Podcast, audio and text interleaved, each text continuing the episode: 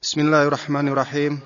Kantor Kerjasama Dakwah, Bimbingan dan Penyuluhan Agama Islam bagi para pendatang di daerah Rabuah, Riyadh, dengan bangga mempersembahkan silsilah studi Islam terpadu mata kuliah hadis untuk level pemula dengan penyaji Ustadz Fir'adi Nasruddin Abu Ja'far LC.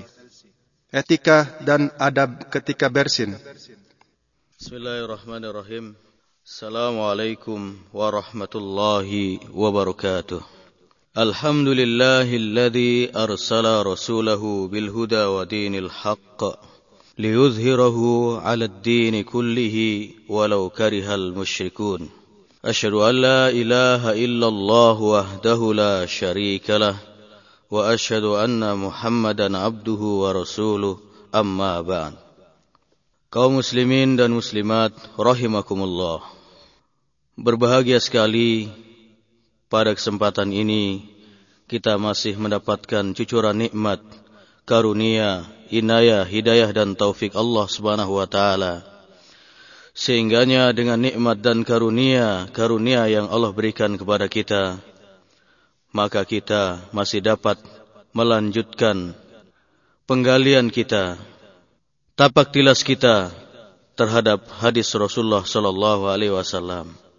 Dan pada kesempatan ini kita akan sama-sama mengkaji mutiara hadis yang kelima yaitu tentang min adabil atas etika dan adab dalam bersin.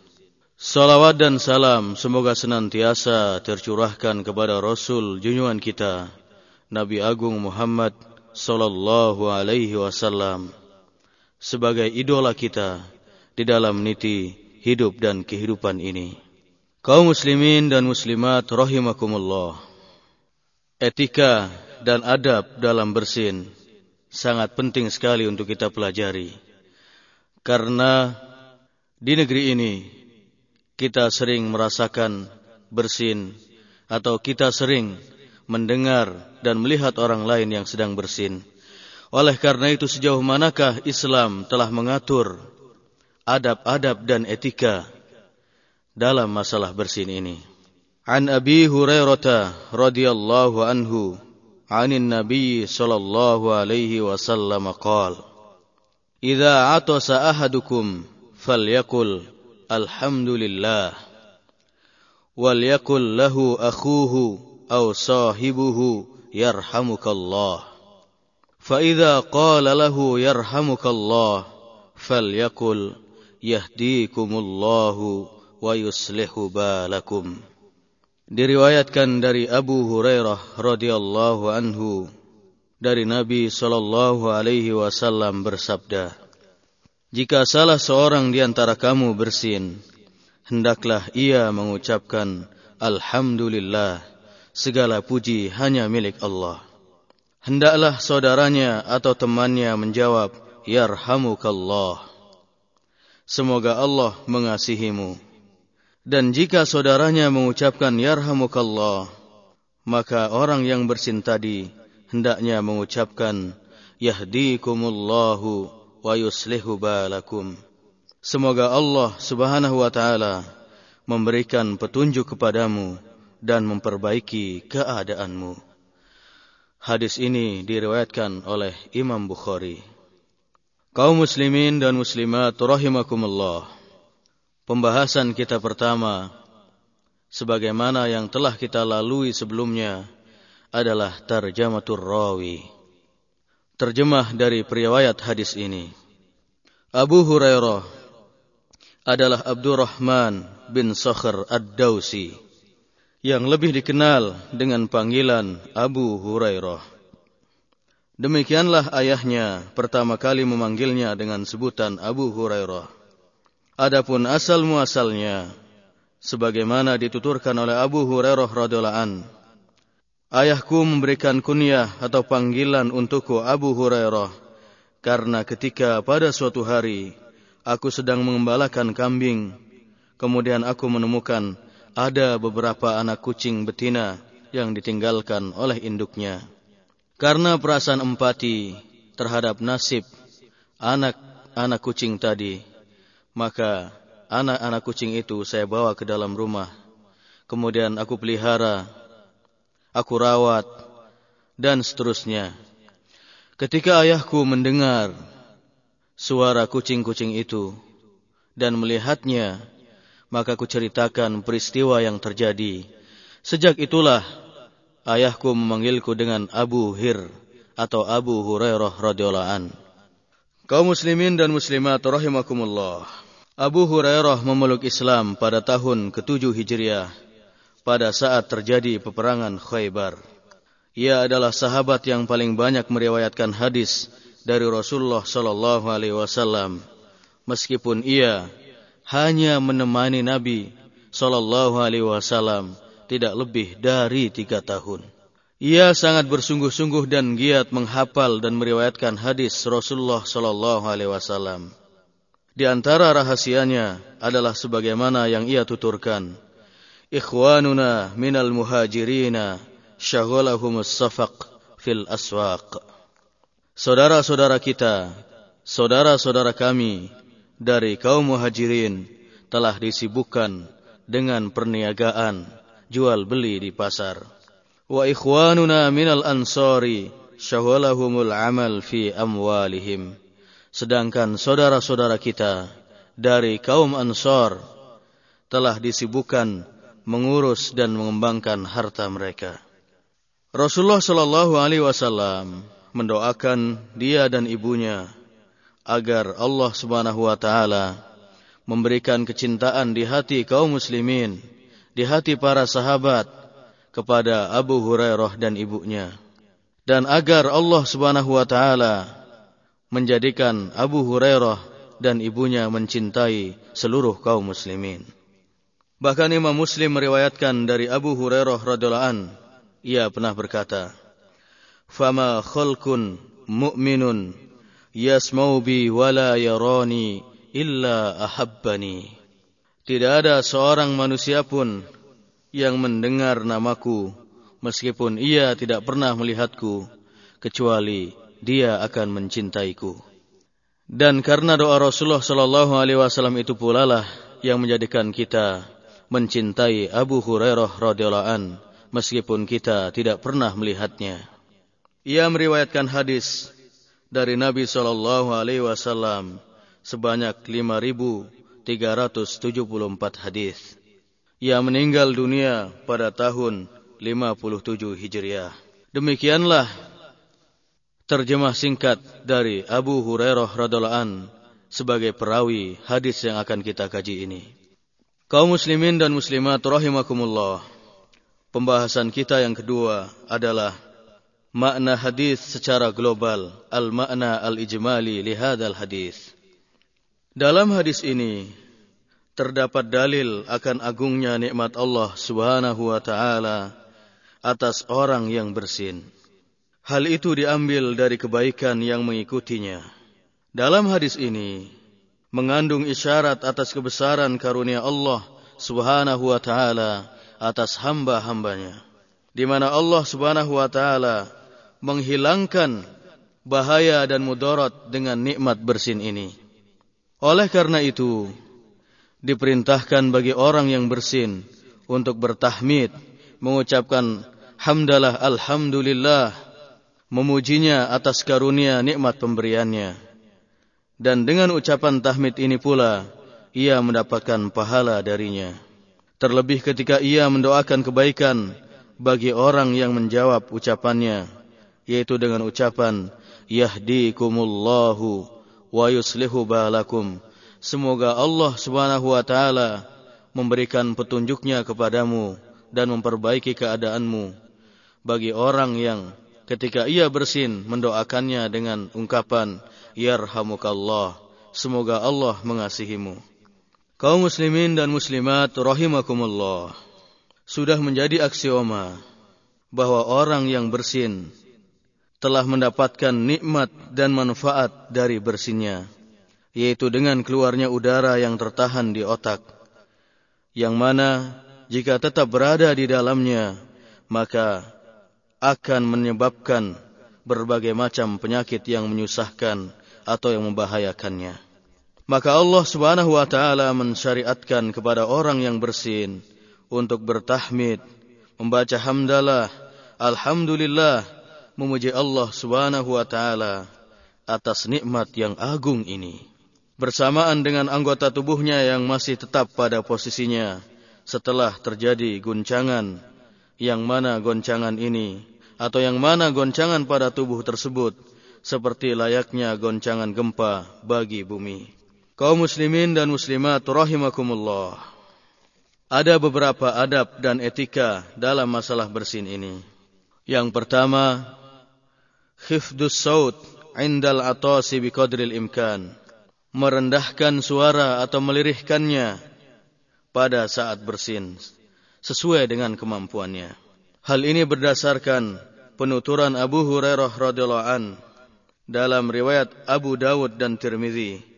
Kana Rasulullah sallallahu alaihi wasallam idza atasa wada'a yadahu aw thawbahu ala fihi wa khafada biha sautah. Adalah Rasulullah sallallahu alaihi wasallam jika bersin maka beliau meletakkan tangannya atau kainnya untuk menutupi lisannya, menutupi mulutnya, dan beliau merendahkan suaranya. Kemudian yang kedua adalah wad'ul yadi awil mandil alal fami indal atas.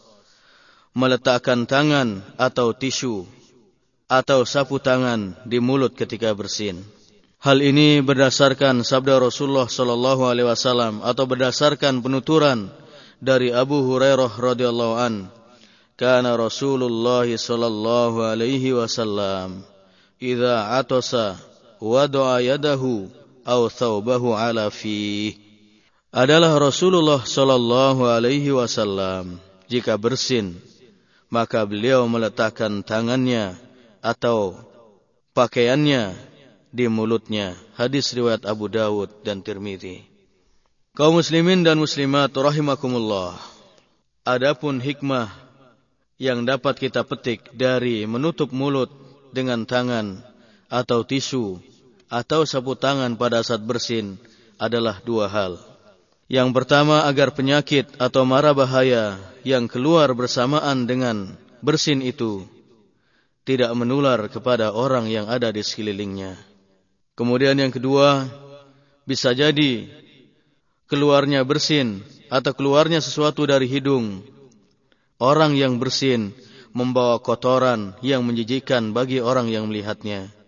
Dengan ditutupinya hidung ataupun mulutnya dengan tangan, dengan sapu tangan atau dengan tisu, maka akan menghindarkan diri dari perasaan orang lain yang merasa jijik melihat orang yang bersin dengan mengeluarkan sesuatu yang kotor. Kaum muslimin dan muslimat rahimakumullah. Kemudian adab yang ketiga adalah qaulul atis alhamdulillahi indal atas. Yaitu perkataan orang yang bersin, alhamdulillah segala puji hanya milik Allah pada saat bersin. Syekh Muhammad bin Saleh Al-Utsaimin rahimahullah pernah menjelaskan, disyariatkannya bagi orang yang bersin untuk mengucapkan Alhamdulillah. Segala puji bagi Allah karena bersin merupakan nikmat pemberiannya yang harus disyukuri dengan ucapan Alhamdulillah. Dan ucapan ini bisa diucapkan pada saat sholat ataupun di luar sholat dan di mana saja. Hanya saja sebagian para ulama berpendapat jika seseorang bersin pada saat dia sedang berada di tempat buang hajat, atau berada di WC, maka ia tidak mengucapkan Alhamdulillah dengan lisannya. Tetapi cukup mengucapkan Alhamdulillah di dalam hatinya. Karena di tempat buang hajat atau di tempat WC itu, kita dilarang menyebut nama Allah subhanahu wa ta'ala. Adab yang keempat adalah qaulu yarhamukallah liman atasa wa hamidallah bagi orang yang mendengarkan orang yang bersin yang diiringi dengan alhamdulillah maka sebagai orang yang mendengar bersin itu disyariatkan untuk mengucapkan yarhamukallah mudah-mudahan Allah mengasihimu. Mudah-mudahan Allah memberikan kasih sayangnya kepadamu. Hal ini berdasarkan sabda Rasulullah sallallahu alaihi wasallam, "Fa idza atasa ahadukum wa hamidallaha ta'ala kana haqqan 'ala kulli muslimin sami'ahu an yaqula lahu yarhamukallah." Apabila salah seorang di antara kamu bersin, kemudian dia memuji Allah Subhanahu wa taala dengan ucapan alhamdulillah, maka merupakan kewajiban bagi setiap muslim yang mendengarkannya untuk mendoakannya dengan ucapan yarhamukallah. Mudah-mudahan Allah Subhanahu wa taala memberikan rahmat dan kasih sayangnya kepadamu.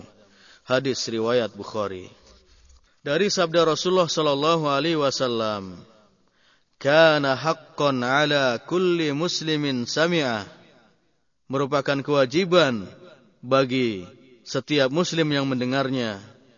Adalah merupakan dalil yang menunjukkan wajibnya mengucapkan yarhamukallah kepada orang yang bersin dengan mengucapkan alhamdulillah.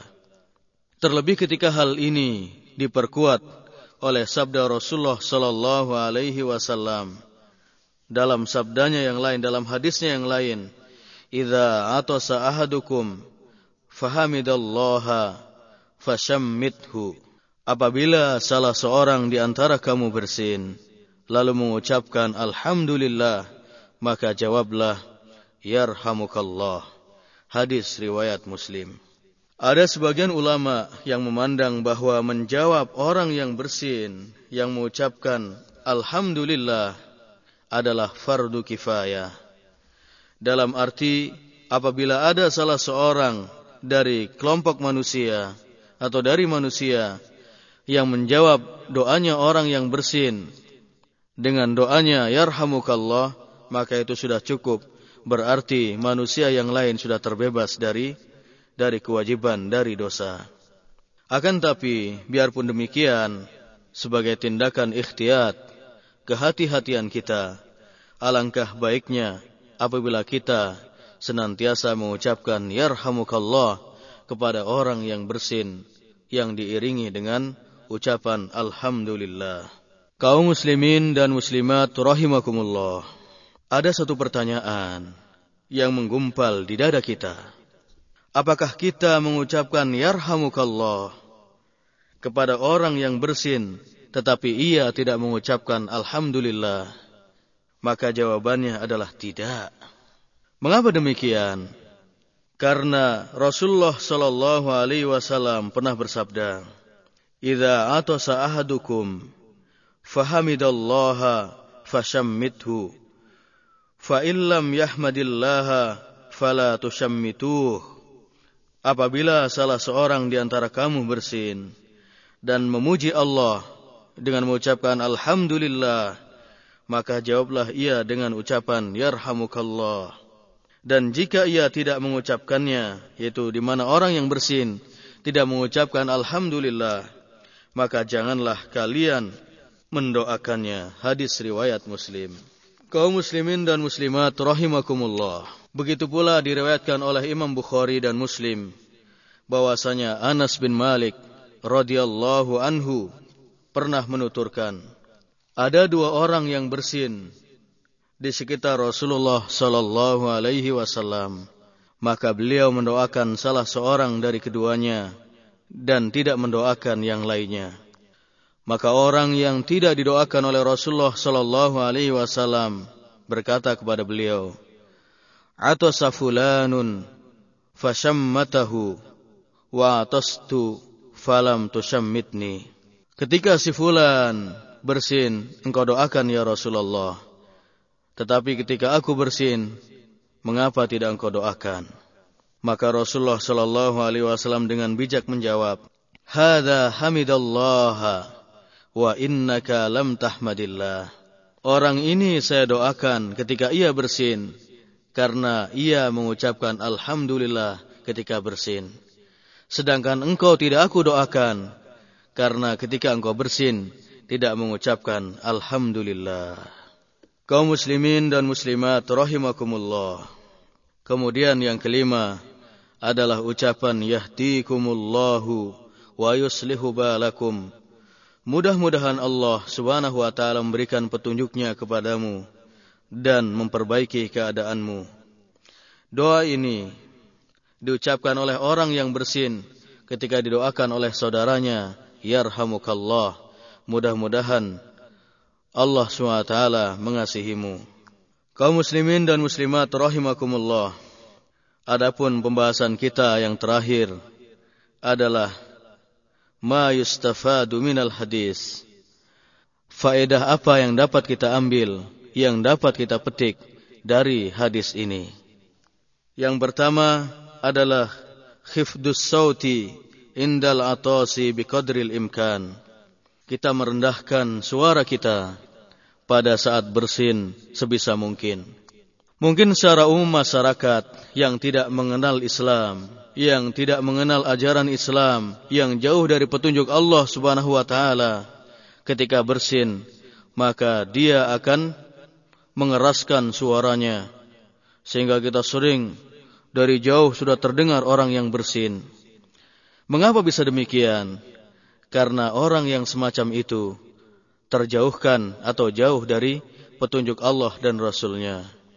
Oleh karena itu, kita sebagai umat Islam, sebagai pengikut setia Rasulullah Sallallahu Alaihi Wasallam, hendaknya mengikuti sunnah Rasulullah Sallallahu Alaihi Wasallam ini, yaitu merendahkan dan melirihkan suara kita pada saat bersin. Sebisa mungkin orang yang ada di sekitar kita tidak mendengarnya atau paling tidak mendengar dengan suara yang rendah.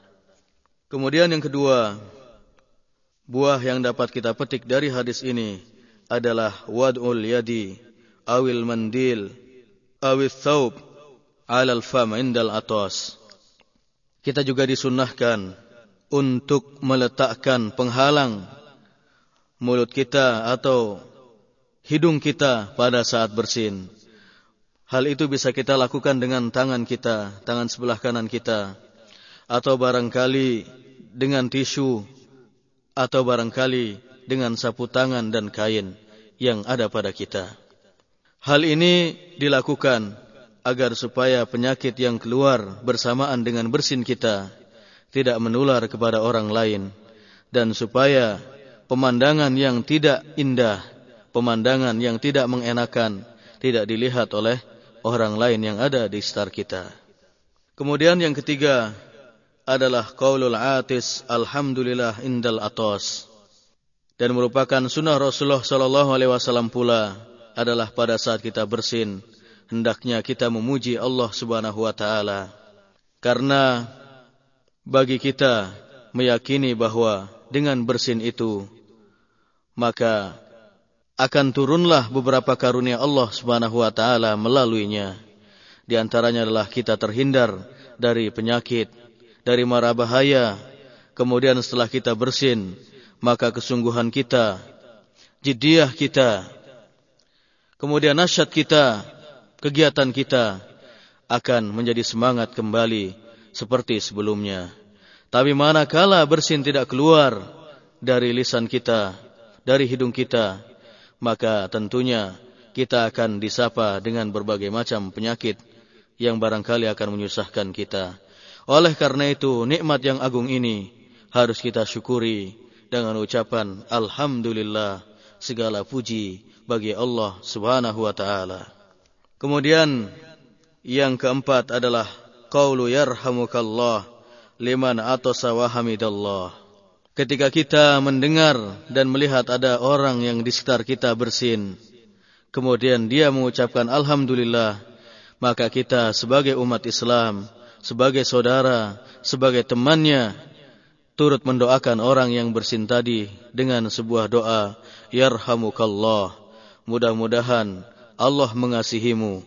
Mudah-mudahan Allah memberikan kasih sayangnya kepadamu karena engkau senantiasa memuji keagungan Allah Subhanahu wa taala dan mensyukuri nikmatnya di antaranya adalah nikmat bersin ini.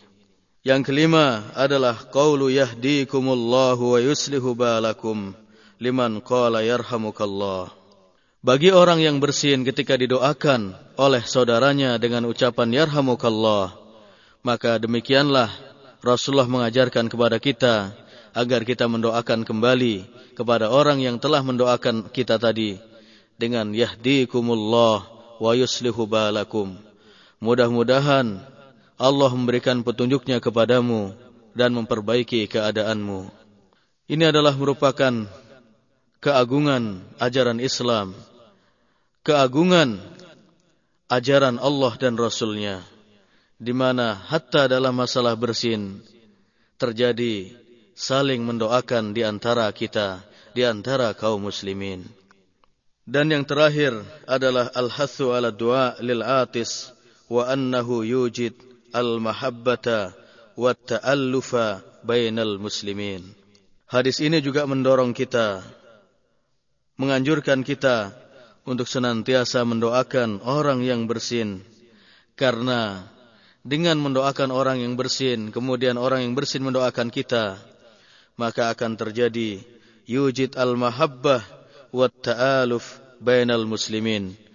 Maka cinta akan mekar. Kasih sayang akan tumbuh berkembang di hati kaum muslimin. Jadi terkadang cinta dan kasih itu akan muncul bukan karena hal yang besar, tapi bisa jadi cinta, kasih sayang, empati itu akan hadir dan subur menyelimuti hati kita terhadap masalah atau dalam masalah-masalah yang kelihatannya sederhana. Seperti kita mendoakan orang yang bersin kemudian orang yang bersin yang kita doakan pun membalas mendoakan kita. Kaum muslimin dan muslimat rahimakumullah ala kulli hal ketika kita merealisasikan dan menerapkan semua ajaran Allah dan Rasulnya atau sunnah-sunnah yang diajarkan oleh Rasulullah Sallallahu Alaihi Wasallam, maka akan melahirkan keberkahan-keberkahan dalam kehidupan kita, akan semakin merekatkan cinta dan kasih sayang persaudaraan persaudaraan Islam al-ukhuwah al-imaniyah di antara kita, di antara kaum muslimin. Mudah-mudahan kita bisa menerapkan dan merealisasikan adab-adab kita dalam masalah bersin ini dan mudah-mudahan Allah SWT senantiasa mengingatkan kita terhadap adab-adab dan etika ini. Hadan Allah wa iyyakum ajmain wa sallallahu ala sayyidina Muhammad wa ala alihi wa sahbihi ajmain. Subhanakallahumma wa bihamdik asyhadu an la ilaha illa ant astaghfiruka wa atubu ilaik. Wassalamu alaikum warahmatullahi wabarakatuh anjuran untuk berlaku jujur dan peringatan dari perilaku dusta. Bismillahirrahmanirrahim. Assalamualaikum warahmatullahi wabarakatuh.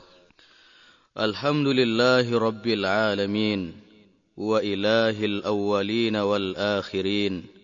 Wa salatullahi wa salamuhu wa rahmatuhu wa barakatuh على صفوة خلقه وخاتم أنبيائه ورسله سيدنا محمد وآله الطاهرين وصحابته أجمعين ورحمة الله ومغفرته للتابعين وتابعيهم بإحسان إلى يوم الدين أشهد أن لا إله إلا الله وحده لا شريك له وأشهد أن محمدا عبده ورسوله Amma ba'd.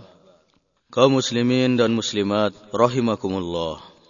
Marilah kita senantiasa meningkatkan rasa syukur kita kehadirat Allah Subhanahu wa taala yang sampai pada detik ini masih terus mencucurkan segala nikmat, karunia, inayah, hidayah dan taufiknya kepada kita semua sehingganya kita masih dapat melanjutkan kajian hadis kita. Dan insya Allah pada pagi ini, pada hari ini, kita akan sama-sama membahas tentang hadis yang keenam, yaitu At-Tarhibu Fis Sidqi Wat Tahdhiru Minal Kadhib. Anjuran untuk berlaku jujur dan peringatan dari perilaku dusta. Salawat dan salam semoga senantiasa tercurahkan kepada Rasul junjungan kita, Nabi Agung Muhammad sallallahu alaihi wasallam sebagai kedua hasanah kita di dalam meniti hidup dan kehidupan ini. Jamaah sekalian yang dirahmati oleh Allah Subhanahu wa taala. An Abdullah bin Mas'ud radhiyallahu anhu qala Qala Rasulullah sallallahu alaihi wasallam Alaikum bis-sidqi fa inna as-sidqa yahdi ilal bir wa innal birra yahdi ilal jannah ma yazalu ar-rajulu يصدق ويتحرى الصدق حتى يكتب عند الله صديقا. وإياكم والكذب فإن الكذب يهدي إلى الفجور وإن الفجور يهدي إلى النار. وما يزال الرجل يكذب ويتحرى الكذب حتى يكتب عند الله كذابا. Diriwayatkan dari Abdullah bin Mas'ud radhiyallahu anhu ia berkata telah bersabda Rasulullah sallallahu alaihi wasallam Berlaku jujurlah kalian karena sesungguhnya jujur itu akan menunjukkan kepada kebaikan. Dan kebaikan itu akan menghantarkanmu kepada surga Seseorang senantiasa berlaku jujur dan berusaha untuk tetap dalam kejujuran sehingga ia ditulis di sisi Allah Subhanahu wa taala sebagai orang yang jujur. Dan jauhilah olehmu perilaku dusta karena sesungguhnya dusta itu akan menunjukkan kepada keburukan, kepada kejahatan. Sedangkan keburukan itu akan menghantarkan kamu kepada neraka. Seseorang senantiasa berperilaku dusta dan berusaha untuk tetap dalam kedustaan sehingga ia ditulis di sisi Allah Subhanahu wa taala sebagai seorang pendusta. Hadis riwayat Muslim. Kaum muslimin dan muslimat rahimakumullah. Pembahasan kita yang pertama adalah man rawi hadal hadis. Siapakah yang meriwayatkan hadis ini? Yang meriwayatkan hadis ini adalah Abdullah bin Mas'ud bin Ghafil Al-Huzali Abu Abdurrahman bin Umi Abd. Ia adalah sahabat Rasulullah sallallahu alaihi wasallam sekaligus pembantunya. Ia termasuk as-sabiqun al-awwalun, orang yang pertama-tama memeluk Islam. Ia termasuk tokoh terkemuka dari Ahlu Badar. Termasuk pula tokoh terdepan dalam masalah fikih dan kiroah. Begitu pula ia adalah seorang sahabat yang paling bagus, yang paling indah dalam membaca Al-Quran. Bukhari dan Muslim meriwayatkan pada suatu ketika Abdullah bin Mas'ud radhiyallahu an diminta oleh Nabi sallallahu alaihi wasallam untuk membacakan beberapa ayat dari Al-Quran. Ketika ia telah membaca surat An-Nisa hingga sampai pada ayat yang ke-41 surat An-Nisa wahid warbain Allah berfirman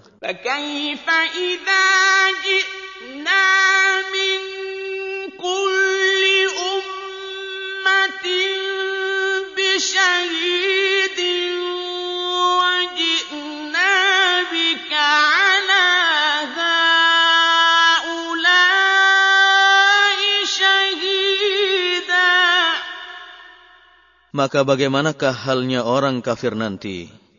Apabila kami mendatangkan seorang saksi yaitu Rasul dari tiap-tiap umat.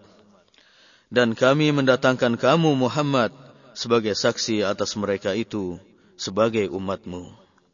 Setelah mendengar ayat 41 dari surat An-Nisa ini, maka Rasulullah Shallallahu alaihi wasallam bersabda kepada Abdullah bin Mas'ud radhiyallahu an, Hasbukal an. Cukuplah, cukuplah wahai Abdullah. Kemudian Abdullah bin Mas'ud radhiyallahu menuturkan, "Fal tafattu ilaihi fa idza ainahu tadrifan."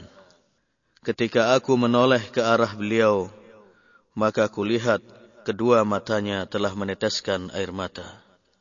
Kaum muslimin dan muslimat rahimakumullah.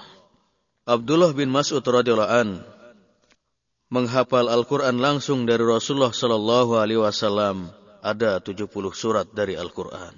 Rasulullah Sallallahu Alaihi Wasallam pernah bersabda mengenai keutamaan, mengenai tingginya kedudukan sang, kedudukan sang sahabat ini dengan sabdanya, "Man ahabba an yaqra'al Qur'ana ghadda kama unzil falyaqra' ala qira'ati ibni ummi abd." Barang siapa yang ingin membaca Al-Quran murni seperti saat dia diturunkan, maka bacalah sebagaimana bacaan Ibnu Ummi Abd yaitu Abdullah bin Mas'ud radhiyallahu an. Hadis riwayat Ahmad. Kaum muslimin dan muslimat rahimakumullah. Ketika para sahabat tertawa melihat kedua betis Abdullah bin Mas'ud radhiyallahu an yang tersingkap oleh angin saat ia memanjat pohon karena saking kecilnya kedua betisnya Lalu Rasulullah sallallahu alaihi wasallam bersabda, "Walladzi nafsi biyadihi innaha fil mizani athqala min jabali Uhud." Demi zat yang jiwaku berada di tangannya. Kedua betisnya yaitu betis Abdullah bin Mas'ud yang kalian tertawakan itu maka dalam timbangan Allah Subhanahu wa taala lebih berat dari bukit Uhud. Hadis riwayat Ahmad. Umar bin Khattab radhiyallahu an pernah melukiskan tentang kedudukan dan keutamaan Abdullah bin Mas'ud radhiyallahu an dengan ungkapannya. Kanifun muli'a ilma. Itu Abdullah bin Mas'ud radhiyallahu an ibarat gudang yang tersimpan di dalamnya ilmu. Ibarat lumbung yang tersimpan di dalamnya ilmu. Adapun hadis yang diriwayatkan oleh Abdullah bin Mas'ud yang terdapat dalam Sahih Bukhari dan Muslim ada 64 hadis. Ini yang mutafak alaih, yang disepakati kesahihannya. Kemudian yang hanya diriwayatkan oleh Imam Bukhari ada 21 hadis. Sedangkan yang diriwayatkan khusus oleh Imam Muslim ada 35 hadis. Abdullah bin Mas'ud radhiyallahu an meninggal dunia pada tahun 32 Hijriah dengan usia 60 tahun kaum muslimin dan muslimat yang dirahmati oleh Allah Subhanahu wa taala. Kemudian pembahasan kita yang kedua adalah al-makna al-ijmali li hadis. Makna dan kandungan umum dari hadis ini. Hadis ini menunjukkan bahwa perilaku jujur dan membiasakan diri untuk selalu jujur dalam ucapan, maka jujur akan menjadi karakter yang senantiasa melekat pada diri seseorang itu. Sebaliknya, perilaku dusta dan membiasakan diri untuk berdusta dalam ucapannya, maka dusta itu akan menjadi karakter yang senantiasa melekat pada diri seorang tersebut. Kaum muslimin dan muslimat rahimakumullah.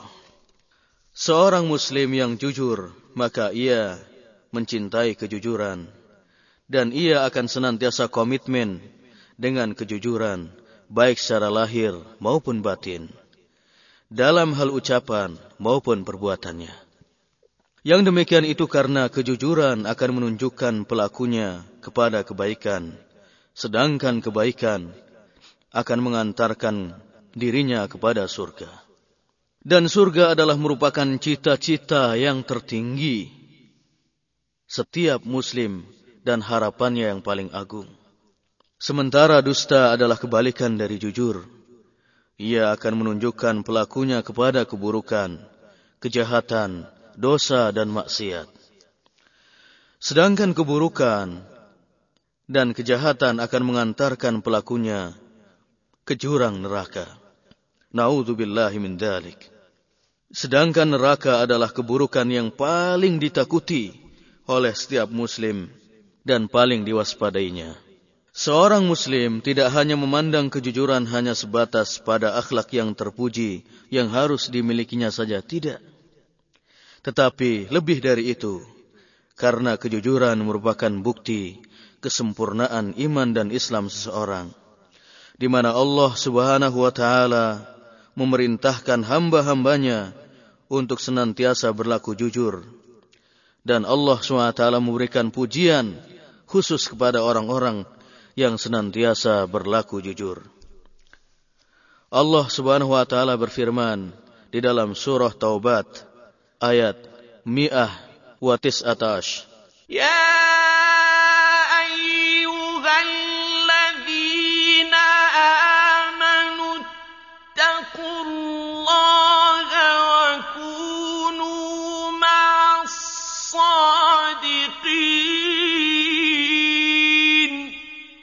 Hai orang-orang yang beriman, bertakwalah kepada Allah dan hendaklah kamu bersama orang-orang yang jujur. Kemudian di dalam surah Az-Zumar ayat 33 Allah berfirman, "Wallazi jaa'a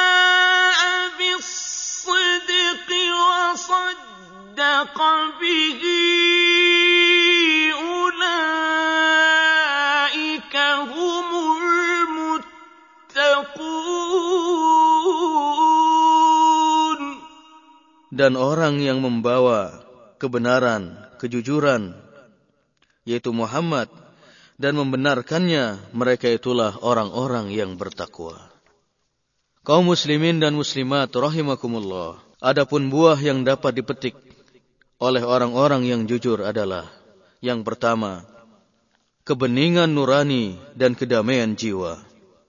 Karena Rasulullah Shallallahu Alaihi Wasallam pernah bersabda, As-sidqu tuma'ninah. Jujur adalah kedamaian. Hadis riwayat Tirmizi.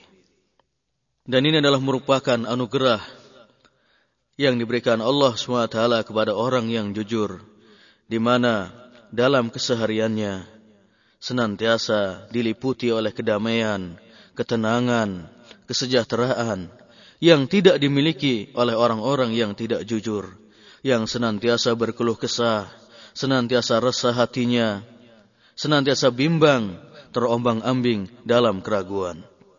Kemudian buah yang dapat kita petik dari kejujuran yang kedua adalah keberkahan dalam rizki, serta bertambahnya kebaikan-kebaikan yang ada. Rasulullah Shallallahu Alaihi Wasallam pernah bersabda, "Al-bayyi'ani bil khiyar ma lam yatafarraqa." Saddaqa wa bayyana burika lahuma fi bai'ihima dua orang yang berjual beli adalah dengan khiyar selama keduanya belum berpisah. Jika keduanya jujur dan menjelaskan aib-aib barang yang ada maka Allah Subhanahu wa taala akan memberi keberkahan dalam jual beli keduanya. Hadis riwayat Bukhari. Buah yang ketiga yang dapat kita petik dari hadis ini adalah bahwasanya Allah Subhanahu wa taala akan menyampaikan cita-cita, niat dan harapan orang-orang yang jujur. Sebagaimana sabda Rasulullah sallallahu alaihi wasallam, "Man sa'ala Allah asy-syahadata bisidq, ballaghahu Allahu manazil asy-syuhada'i wa in mata la firasyih."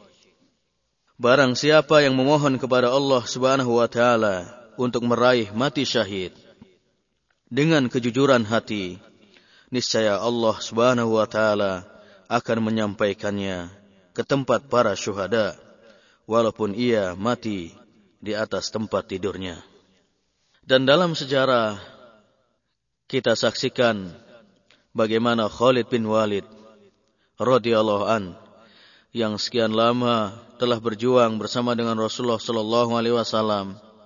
Dilanjutkan dengan Umar bin Khattab eh, dengan Abu Bakar As-Siddiq radhiyallahu an dan Umar bin Khattab radhiyallahu an. Kemudian ia senantiasa bercita-cita untuk meraih syahadah di medan juang. Akan tapi dengan takdir dan ketentuan Allah Subhanahu wa taala, ternyata sang panglima agung ini Khalid bin Walid radhiyallahu an meninggal dunia di atas tempat tidurnya.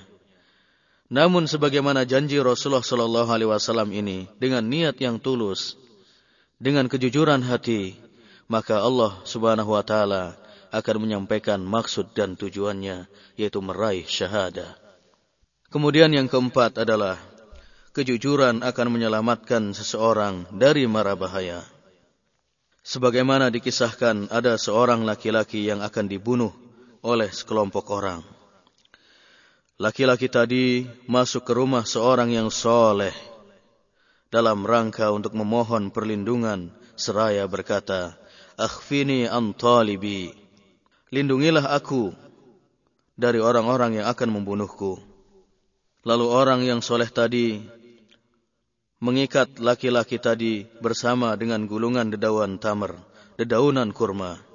Ketika orang-orang yang akan membunuhnya datang dan bertanya kepada seorang laki-laki yang soleh tadi, maka sang laki-laki soleh tadi menjawab, Ha huwa dha tahtal khus.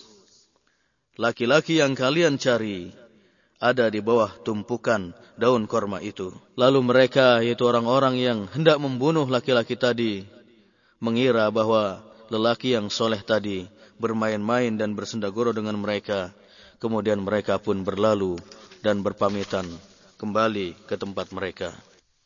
Kaum muslimin dan muslimat rahimakumullah. Kemudian apabila ada orang yang bertanya kepada kita, adakah indikasi atau apakah indikasi orang yang berkepribadian jujur itu? Maka jawabannya adalah orang yang berkepribadian jujur bisa dibuktikan dari lima hal. Yang pertama adalah jujur dalam pembicaraan. As-sidqu fil hadis. Karena seorang muslim jika berbicara akan selalu jujur, tidak pernah berdusta. Karena dusta senantiasa identik dengan kemunafikan, dengan penyakit hipokrit. Bukankah Rasulullah sallallahu alaihi wasallam pernah bersabda, "Ayatul munafiki thalathun, idza haddatsa kadzaba." Wa idza wa'ada akhlafa wa idza tumina khana. Tanda-tanda orang munafik itu ada tiga. Apabila berbicara ia dusta, apabila berjanji ia mungkir, dan apabila dipercaya ia berkhianat. Hadis riwayat Bukhari dan Muslim. Jadi dari hadis ini jelaslah bahwa kedustaan merupakan sifat dari kemunafikan. Dan orang-orang yang beriman, orang-orang yang mengaku dirinya sebagai seorang muslim, sangat terjauhkan dari sifat dusta ini.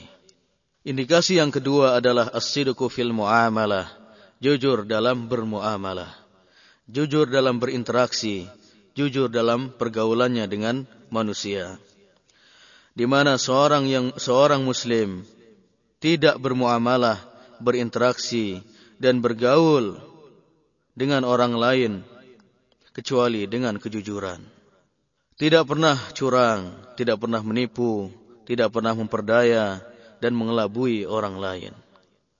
Maka apabila ada orang yang mengaku dirinya sebagai seorang muslim, tapi perkataannya selalu dusta, sering berbuat curang, sering menipu orang lain, sering mengelabui orang lain, maka sebenarnya dia telah terjauhkan dari sifat kejujuran ini dan sebenarnya dia sedang berada di ambang neraka. Di ambang jurang kenistaan, tapi dia tidak merasa. Kaum muslimin dan muslimat rahimakumullah. Kemudian yang ketiga yang merupakan indikasi adanya kejujuran pada diri seorang adalah sidukul azam. Jujur dalam niatnya, jujur dalam azamnya. Seorang muslim apabila berniat dan telah berazam untuk berbuat suatu kebaikan, maka dia tidak pernah ragu, bimbang maupun gamang untuk melakukan kebaikan tersebut. Seperti orang yang hendak melakukan sholat duha, menghafal hadis seperti hadis pada saat ini. Ketika kita telah berazam, maka sebagai bukti kejujuran azam kita, maka kita tidak ragu-ragu lagi menghafal hadis yang kita pelajari hari ini. Dan begitulah seterusnya. Indikasi yang keempat adalah sidqul wa'di. Jujur terhadap janji-janji kita. Seorang muslim apabila telah mengikat perjanjian dengan orang lain, maka ia selalu menepati janji-janjinya. Karena ia takut terjatuh ke jurang kemunafikan apabila ia mengingkari dan memungkiri janji-janjinya. Kalau kita lihat dalam realita kehidupan kita di tanah air, khususnya pada saat pemilu, baik legislatif ataupun pemilihan presiden, maka kita lihat banyak sekali orang-orang yang mengumbar janji-janjinya. Bahkan janji-janji manis menjadi sebuah kata untuk mengambil simpati masyarakat, untuk menjadi hal yang sangat nista untuk mendapatkan harta dan kekayaan sebagai barang komoditi belaka. Namun kita lihat ketika orang sudah menjadi anggota legislatif di DPR misalnya, ketika dulu kampanye dia senantiasa dengan bangganya, dengan begitu antusias akan menyejahterakan masyarakat. Ternyata setelah dia duduk di kursi yang empuk itu, jangankan mau mensejahterakan masyarakat, ternyata dia hanya mensejahterakan dirinya dan keluarganya saja. Sementara orang lain diacuhkan seolah-olah tidak pernah berjasa, ya tidak pernah berjasa untuk mendudukannya di kursi legislatif. Dan begitulah seterusnya. Akhirnya mereka pun dilaknati. Akhirnya mereka pun didoakan dengan doa-doa yang buruk oleh masyarakat. Karena tidak sesuai dengan janji-janjinya. Kaum muslimin dan muslimat rahimakumullah. Kemudian yang kelima yang merupakan indikasi dari kejujuran adalah sidqul hal. Jujur dalam sikap dan tindakan. Seorang muslim tidak pernah menampakkan perbuatan yang baik sementara hatinya penuh dengan kebusukan.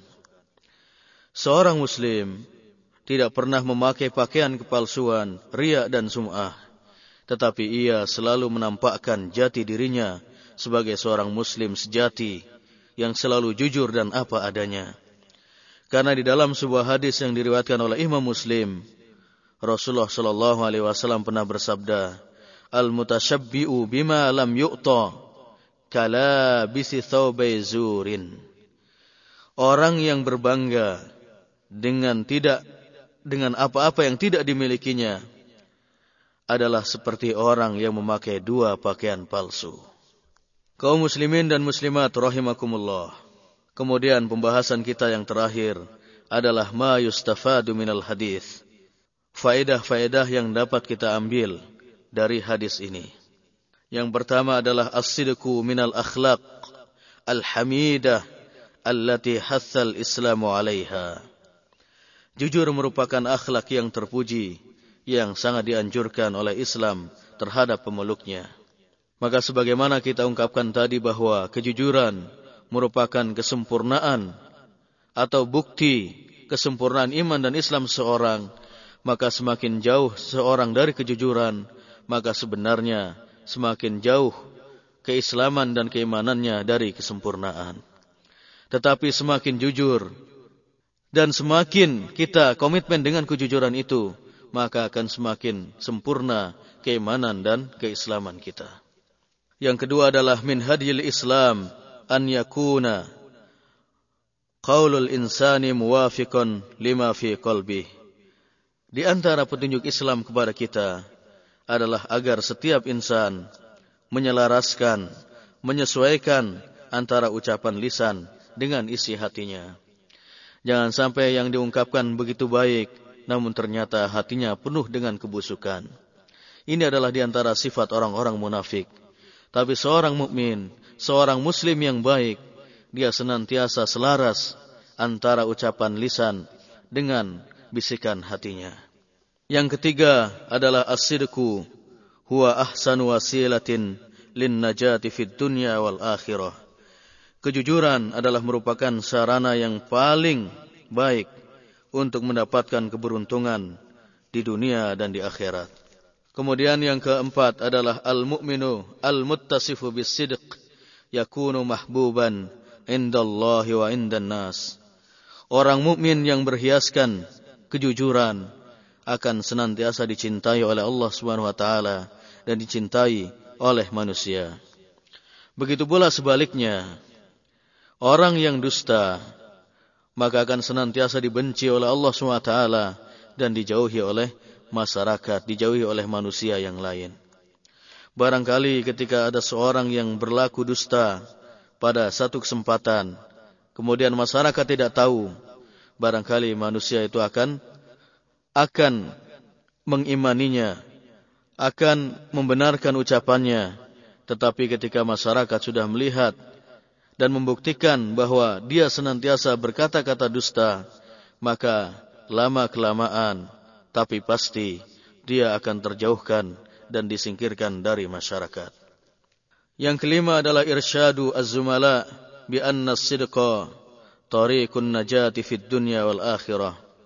Hadis ini juga menganjurkan kepada kita untuk senantiasa kita mengingatkan dan membimbing saudara-saudara kita, orang-orang yang ada dekat kita, teman-teman kita, sahabat-sahabat kita, untuk senantiasa berperilaku jujur. Karena kejujuran adalah merupakan jalan keselamatan bagi kehidupan kita di dunia dan di akhirat. Banyak orang yang berhasil dalam bisnisnya, dalam bermuamalah, dalam tijarahnya atau dalam usahanya karena kejujuran yang senantiasa melekat pada dirinya. Tetapi banyak orang yang bangkrut, banyak orang yang teraniaya, bukan teraniaya, banyak orang yang dijauhi dan disingkirkan oleh manusia karena kedustaan yang melekat pada dirinya. Kemudian yang keenam adalah al-kadzib, sifatun sayyi'ah nahal Islamu anha. Dusta adalah sifat yang sangat tercela yang dilarang oleh Islam. Diriwayatkan bahwasanya Bukhari rahimahullah suatu ketika pernah keluar untuk meriwayatkan hadis dari seseorang. Ia menempuh perjalanan yang sangat jauh dan bukan sederhana. Namun ketika ia telah sampai di rumah orang itu, ia melihat orang itu memanggil kudanya dengan keranjang rumput. Bukhari berkata kepadanya, apakah dalam keranjang itu ada makanan kudamu? Orang itu menjawab tidak, tapi aku hanya sekedar ingin memanggil kudaku. Maka Imam Bukhari rahimahullah berkata, La akhudul haditha mimman yakdhibu alal bahaim. Aku tidak akan pernah mengambil hadis dari orang yang berdusta kepada binatang ternak. Kaum muslimin dan muslimat rahimakumullah. Kemudian yang ketujuh adalah wujubun nasihah liman yattasifu bil kadhib wa dzalika biwujubit taubati minhu wal iqla'i an.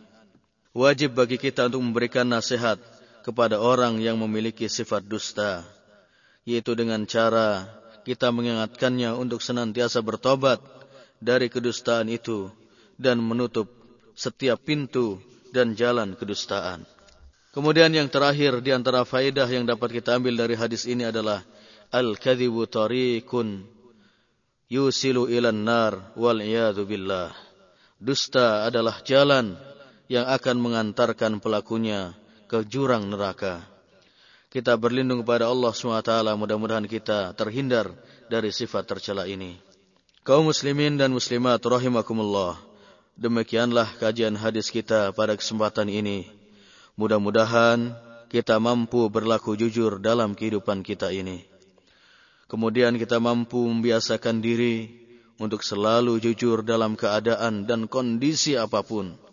Sehingga kejujuran akan menjadi perhiasan terindah dalam kehidupan kita. Dan sehingganya pintu-pintu sorga terbuka luas-luas di hadapan kita. Amin. Dan mudah-mudahan kita mampu menghindarkan diri kita dari sifat dusta. Kemudian kita mampu menutup rapat-rapat jalan dan pintu kedustaan. Karena dengan demikian prahara neraka yang panas membara dapat kita hindari di akhirat kelak insyaallah. Amin ya rabbal alamin. Hadanallahu wa iyyakum ajmain. Wa sallallahu ala sayyidina Muhammad wa ala alihi wa sahbihi ajmain. Subhanakallahumma wa bihamdik asyhadu an la ilaha illa ant astaghfiruka wa atubu ilaik. Wassalamu alaikum warahmatullahi wabarakatuh.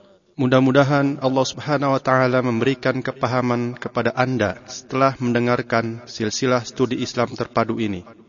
Bagi Anda yang berminat memiliki album kaset studi Islam terpadu ini, dapat menghubungi kami di kantor kerjasama dakwah, bimbingan dan penyuluhan agama Islam bagi para pendatang di daerah Rabuah, Riyadh PO Box 29465 Riyadh 11457. Telepon 445 4900 491 6065. Fax 497 0126. Rabwa Jalan Amir Mat'aib samping Bang Al-Rahji cabang Rabwa. Assalamualaikum warahmatullahi wabarakatuh. تم تسجيل هذه المادة في استديو المكتب التعاوني للدعوة وتوعية الجاليات بالربوة في مدينة الرياض.